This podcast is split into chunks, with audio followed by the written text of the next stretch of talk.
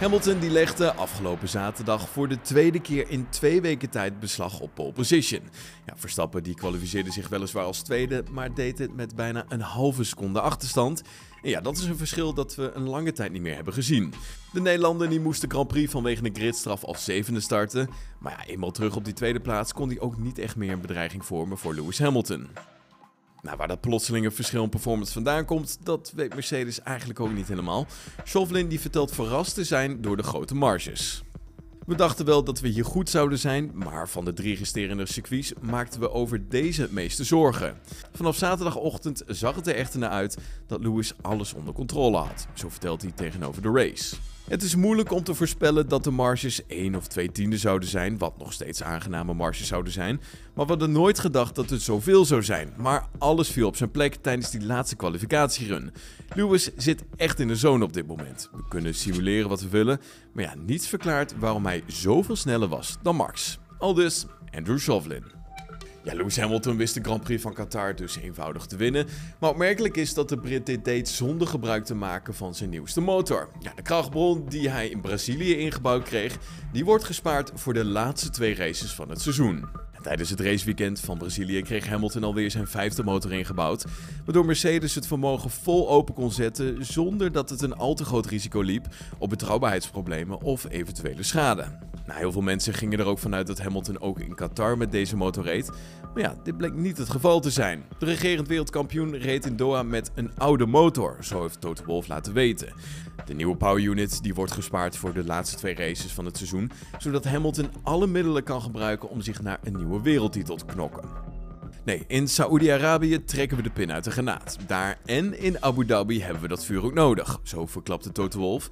En ja, met name de laatste race verwacht de dat zijn coureur al het beschikbare vermogen nodig heeft. Als ze allebei over de eindstreep komen in Saoedi-Arabië, dan zal de winnaar van Abu Dhabi tevens de winnaar van het kampioenschap zijn. Aldus Toto Wolff. En Max Verstappen die heeft als goedmakertje de Marshall ontmoet die door Red Bull Racing teambaas Christian Horner als malefiele werd bestempeld.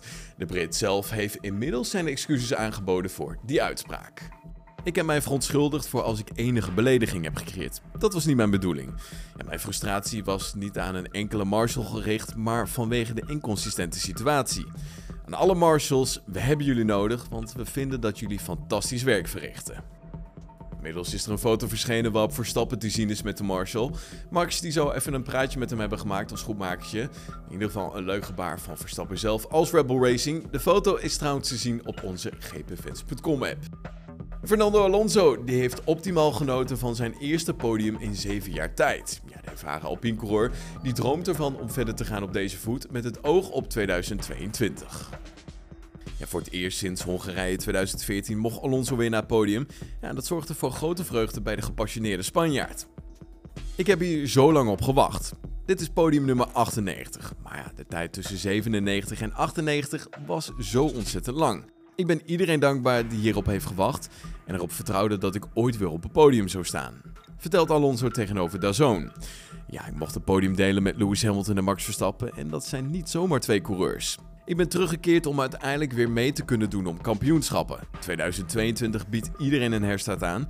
Ja, dit seizoen was nodig om weer te wennen aan de Formule 1 en hopelijk kan ik op een dag die 100ste podium bereiken. Ik hoop dat de periode tussen nummertje 98 en 99 een stukje korter is dan de periode ervoor. Aldus Fernando Alonso.